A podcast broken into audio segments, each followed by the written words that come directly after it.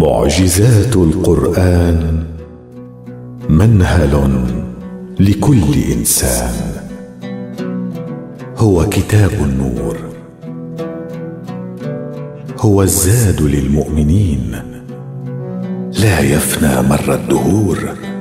هو حصن قلاع الدين.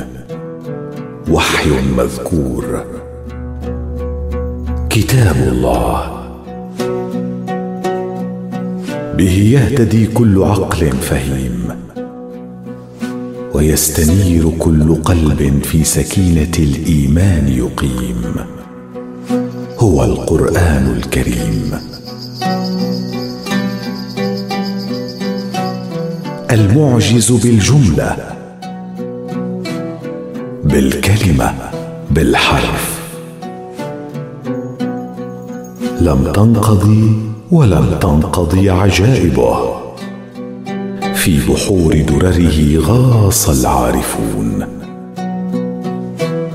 وإلى شواطئ نوره يمم الهائمون. ولما تنتهي الدراسات فيه بعد. بل كلما ظهر فيه معنى عظيم زاد علمنا بمدى جهلنا بأسراره ومغانيه. وفقرنا بدرره ومعانيه. ففي بحور علم القرآن الكريم نغوص في رحلتنا. نغسل الروح بلمحات منه نورانية. ونتعبد الله بتدارس الفرائد القرآنية. رحلة هي زاد للروح وسبحات في عوالم نور القرآن الكريم. كتاب الله العظيم.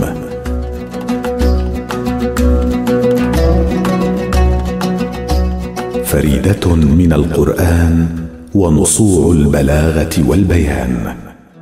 هي الكلمة هي المعجزة التي زود الله بها خير أنبيائه وأحبهم إليه.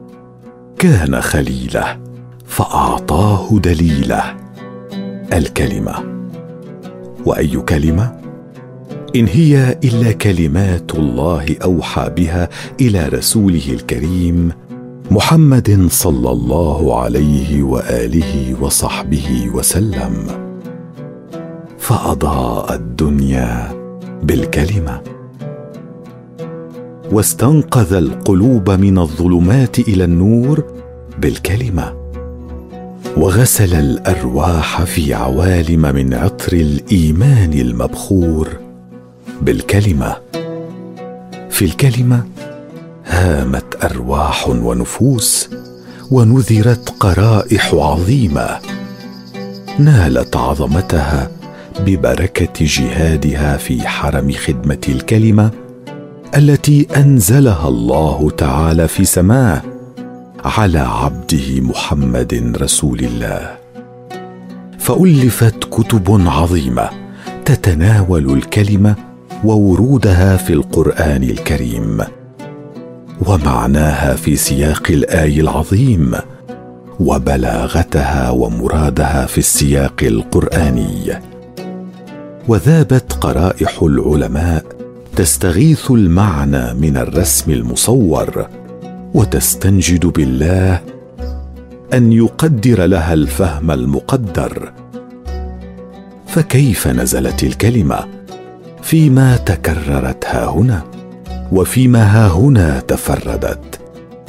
إذ وردت بعض الكلمات في القرآن الكريم متفردة بالظهور مرة واحدة والفريدة في معناها العميق المنقطعة عن القرين أي التي لا مثيل لها ولا وزين ولا شبيه. وليس تفرد هذه الكلمات في القرآن الكريم إلا لغاية عظيمة ومؤدى كريم. وفي هذا البحر من بحور القرآن الكريم نحاول أن نغوص في هذا المقام لنتلمس بعض جوانب الإعجاز في الفريدة القرآنية. قال تبارك وتعالى في سورة يوسف بسم الله الرحمن الرحيم. وجاء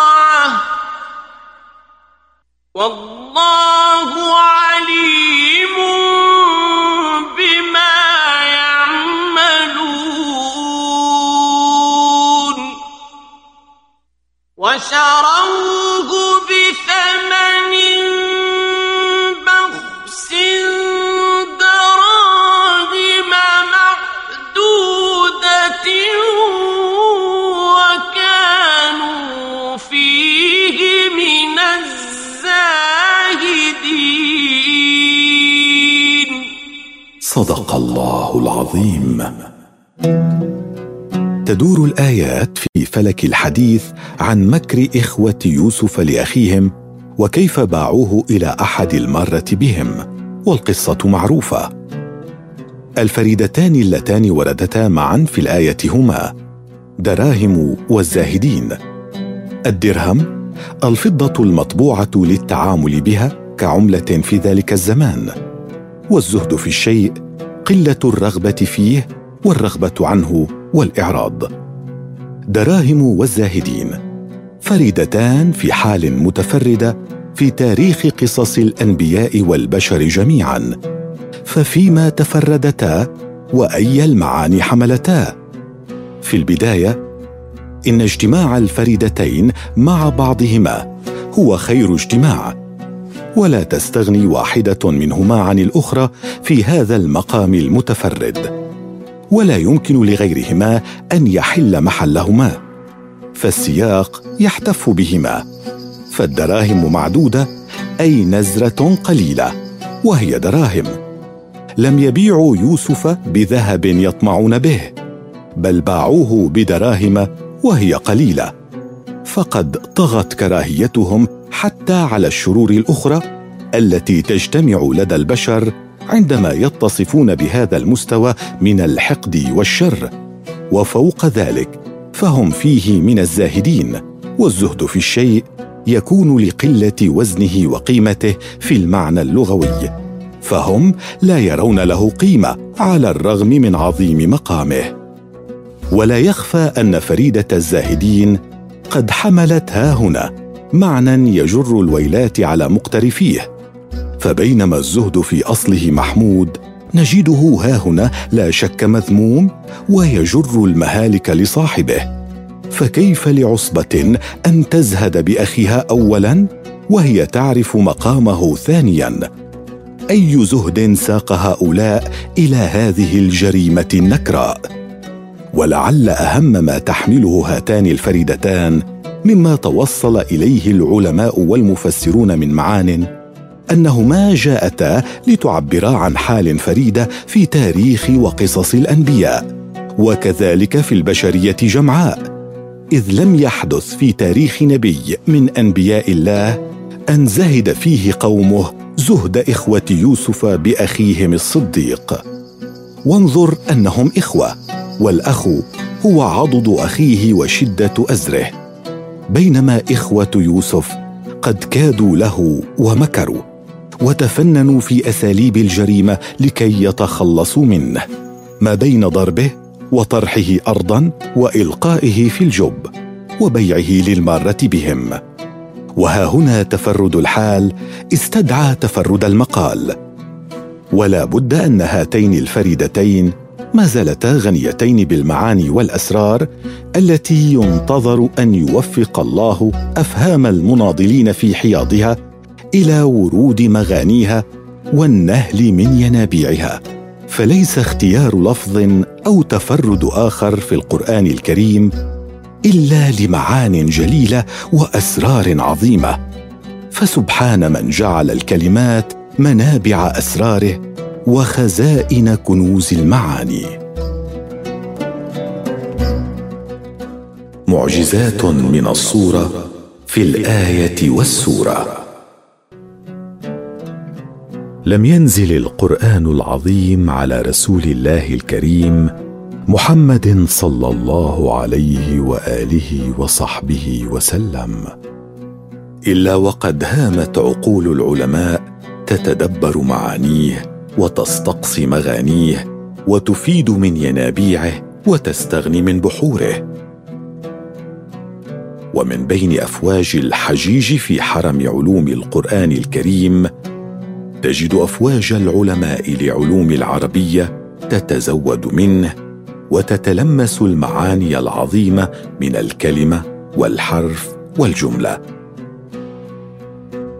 مبحرة في عميق المعنى ومجاهدة في تدارس الصورة ومناضلة في سباق خدمة القرآن الكريم. فدرسوا الصورة في القرآن الكريم حتى لكأنهم وقفوا أمام علم جديد أذهلهم بسبكه وإبداعه. وهيم أفئدتهم وأرواحهم في عوالم عظمته. ومن الصور نستعرض صورة وردت في سورة الحج. بسم الله الرحمن الرحيم. يا أيها الناس اتقوا ربكم إن زلزلة الساعة شيء عظيم. يوم ترونها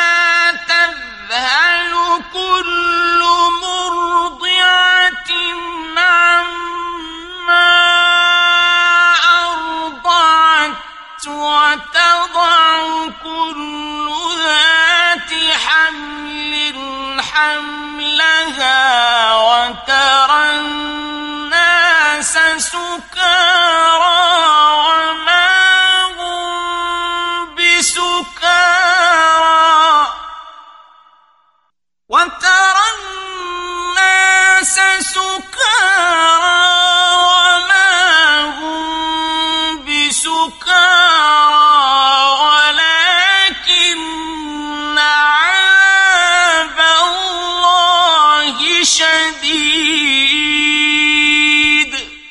صدق الله العظيم. إنها صورة الأهوال العظمى. مشاهد حافلة بكل مرضعة ذاهلة عن رضيعها وبكل حامل تسقط حملها هولا ورعبا ومهابه إن هاتين الحالتين اللتين اختارهما الذكر الحكيم هما من أشد حالات تعلق الإنسان بالإنسان. فليس أكثر ارتباطا من تعلق الأم برضيعها ومن تمسك الرحم بالحمل الذي يحنو عليه ويحوطه. فأي هول هو هذا اليوم؟ وأية زلزلة هذه التي تجعل المرضعة تذهل عن رضيعها؟ ثم إنك ترى جموع البشر تنظر بعيون السكارى الذين تجوب عيونهم محاجرها وليس بهم سكر. ولكنه سكر العقل من شدة عظمة ووطأة هذا اليوم المهيب.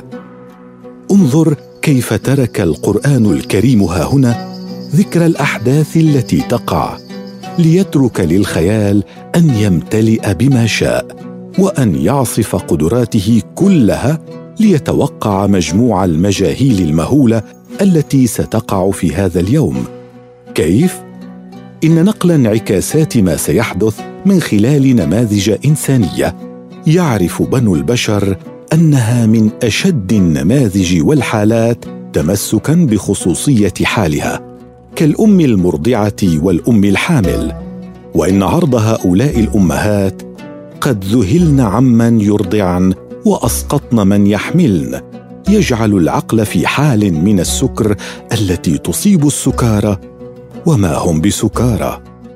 وفي جهل الوقائع المسببة غاية عظيمة لأن الإنسان دائم البحث عما يجهل دائم الترقب له دائم الخوف منه. فسبحان من أبدع وصور وخلق فقدر. علم الأكوان من بحور القرآن. هو الكتاب المحفوظ مر الدهور. تفنى الخلائق ويبقى قائما محفوظا مدى العصور. فأي أسرار أودعها الخلاق العظيم في كتابه الكريم حتى تيسر له أن يبقى مشعل هدى ونورا لكل من يسعى سعي المتعطش في الأرض لمعرفة ربه رب الأكوان خالق الأماكن والأزمان مالك الملك الملك الديان. في هذا البحر رسالة القرآن إلى كل بني الأرض. رسالة يلتقطها قلب فقيه لعالم نبيه. إن شاء أن يهتدي في عظمة الخالق وإبداعه. ففي القرآن الكريم ما أدهش علماء الكون الذين ما زالوا يدرسون عجائب الأرض والأفلاك فإذا ما قضوا عشرات أو مئات السنين ساعين باحثين ووصلوا إلى حقيقة علمية بجهود كبيرة وحثيثة تجلت بعض عظائم القرآن الكريم. فوجدوا أن ما سعوا إليه يستقصونه قد أخبر عنه عالم الغيب العظيم في قرآنه الكريم. من علم الجيولوجيا. بسم الله الرحمن الرحيم.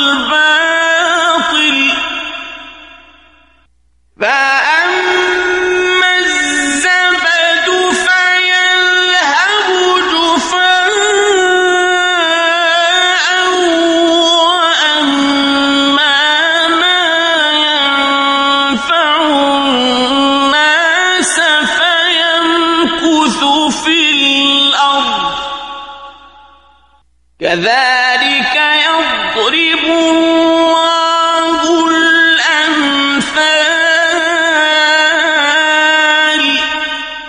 صدق الله العظيم. إن كلمة رابيا الواردة في الآية الكريمة تعني تراكم الزبد وتراكبه طبقيا حينما يلقي السيل بحمله وقد تنتهي رحلة السيل إلى مصبات الأنهار أو تكون على طول الطريق حيث يعجز السيل عن حمل ما علق به. فقدرته تتناسب مع سرعة المياه والسرعة تتعلق بالميل أو الانحدار. وكلما زادت سرعة المياه زاد مقدار ما تحمله معها والعكس صحيح. ولذلك فحينما تصطدم مياه الأنهار عند المصبات بمياه البحر فإن كل المواد التي تحملها المياه تترسب إلى القاع. ومع مرور آلاف السنين تتراكم طبقات الرسوبات ويظهر ما يعرف بدلتا النهر حيث تزحف الشواطئ على البحر. فهلا تدبرنا معاني القرآن الكريم بالبحث والعلم؟ معارج الروح. إن الله أنار الكون بالكلمة ومن علينا بالكلمة وأنعم علينا بالكلمة. فنزل الوحي العظيم على رسول الله وحبيبه الكريم. محمد صلى الله عليه وآله وصحبه وسلم. وفي سبحات عوالم الكلمة نتقرب إلى الله ربنا ببعض الأبيات قيلت في عظيم مقام القرآن الكريم. هيهات لا يعتري القرآن تبديل فإنه فوق هام الحق إكليل. ماذا تقولون في آي مفصلة يزينها من فم الأيام ترتيل؟